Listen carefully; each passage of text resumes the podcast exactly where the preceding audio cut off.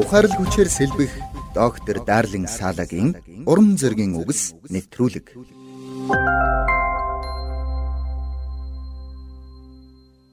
Элч Питер анхны үеийн итгэгчдэд хандан бичсэн захидалдаа дараах 5 чанарыг онцолсон байдаг. Эдгээр нь итгэл, сайн чанар, мэдлэг, өөрийгөө захирахгүй болон төвчээр юм. Энэ дундаас өнөөдөр би төвчээрийн тухай тантай ярилцахыг хүссэн юм. Талбичигт энэхүү үгийг хэцүү нөхцөл байдал донд ч хийж байгаа зүйлээ үргэлжлүүлэн хийх чадвар хэмээн тайлбарлсан байдаг. Өнөөдөр бид тэсвэр төвчээр гэдэг үгийг амьдралдаа тэр бүр хэрэглээд байдаггүй. Учир нь бидний хинэнч тесэж төвчих дуртай биш шүү дээ. Миний хувьд төвчээр гэдэг үгийг тайлбарлсан пастор Дэвид Жеремиагийн тодорхойлолт үнэхээр таалагддаг. Тэрээр хэлэхдээ тэсвэр төвчээр гэдэг бол хийхийг хүсэхгүй байгаа зүйлээ үргэлжлүүлэн хийх чадвар юм гэсэн байдаг. Бид ямар нэгэн ажлыг эхлэхдээ их хөвчлэн урам зоригоор дүүрэн байдаг.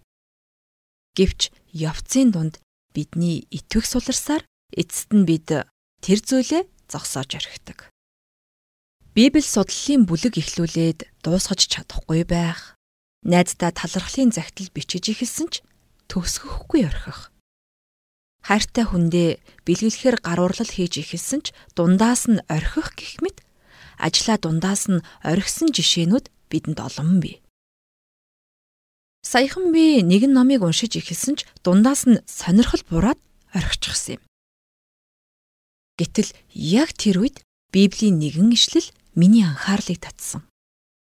Бараг л Библийн хуудаснаас үсрээд гараад ирэх мэт болсон. Энэ бол 2 дугаар Коринт 8:11. Энд Харин одоо хийж байгаагаа дуусга. Үүнийг хүсэж эхэлсэн шигэ өөрт байгаагаараа дуусга. Окей. Би бурхны хэлэх гэсэн санааг ойлголоо. Тэгээд л би уншиж байсан номоо дуусгасан да. Гэхдээ би тэндээс маш их зүйлийг ойлгож авсан. Хатуучльтай байх, шийдэмгий байх, шүд зуун тисэх, эцсийг нь үзэх гих мэт үгс бол мөн л тэсвэр төвчээртэй байх гэдэг үгтэй адил төстэй үгс юм. Тэгэхээр та энэ үгийг ямар ч үгээр илэрхийлж болно.